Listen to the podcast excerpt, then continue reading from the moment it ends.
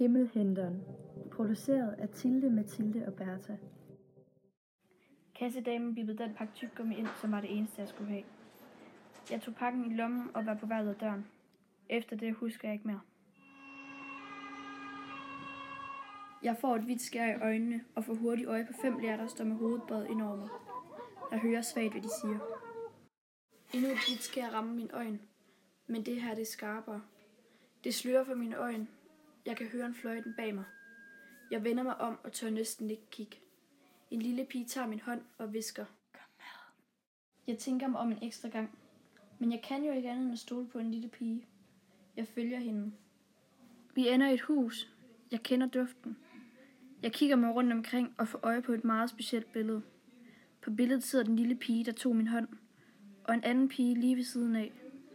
Den lille pige visker. Det er dig.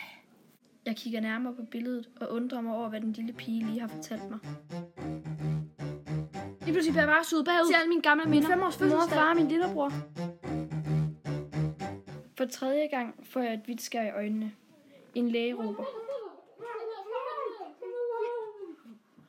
Jeg ligger i en hospitalseng med armbånd om håndledet. En læge fortæller mig. Du blev klemt i Nettos døre. Dørens sensor gik pludselig i stykker. Jeg ligger i sengen resten af dagen, og det skal jeg gøre en måned endnu. Jeg finder først slutningen på min historie, når jeg igen dør.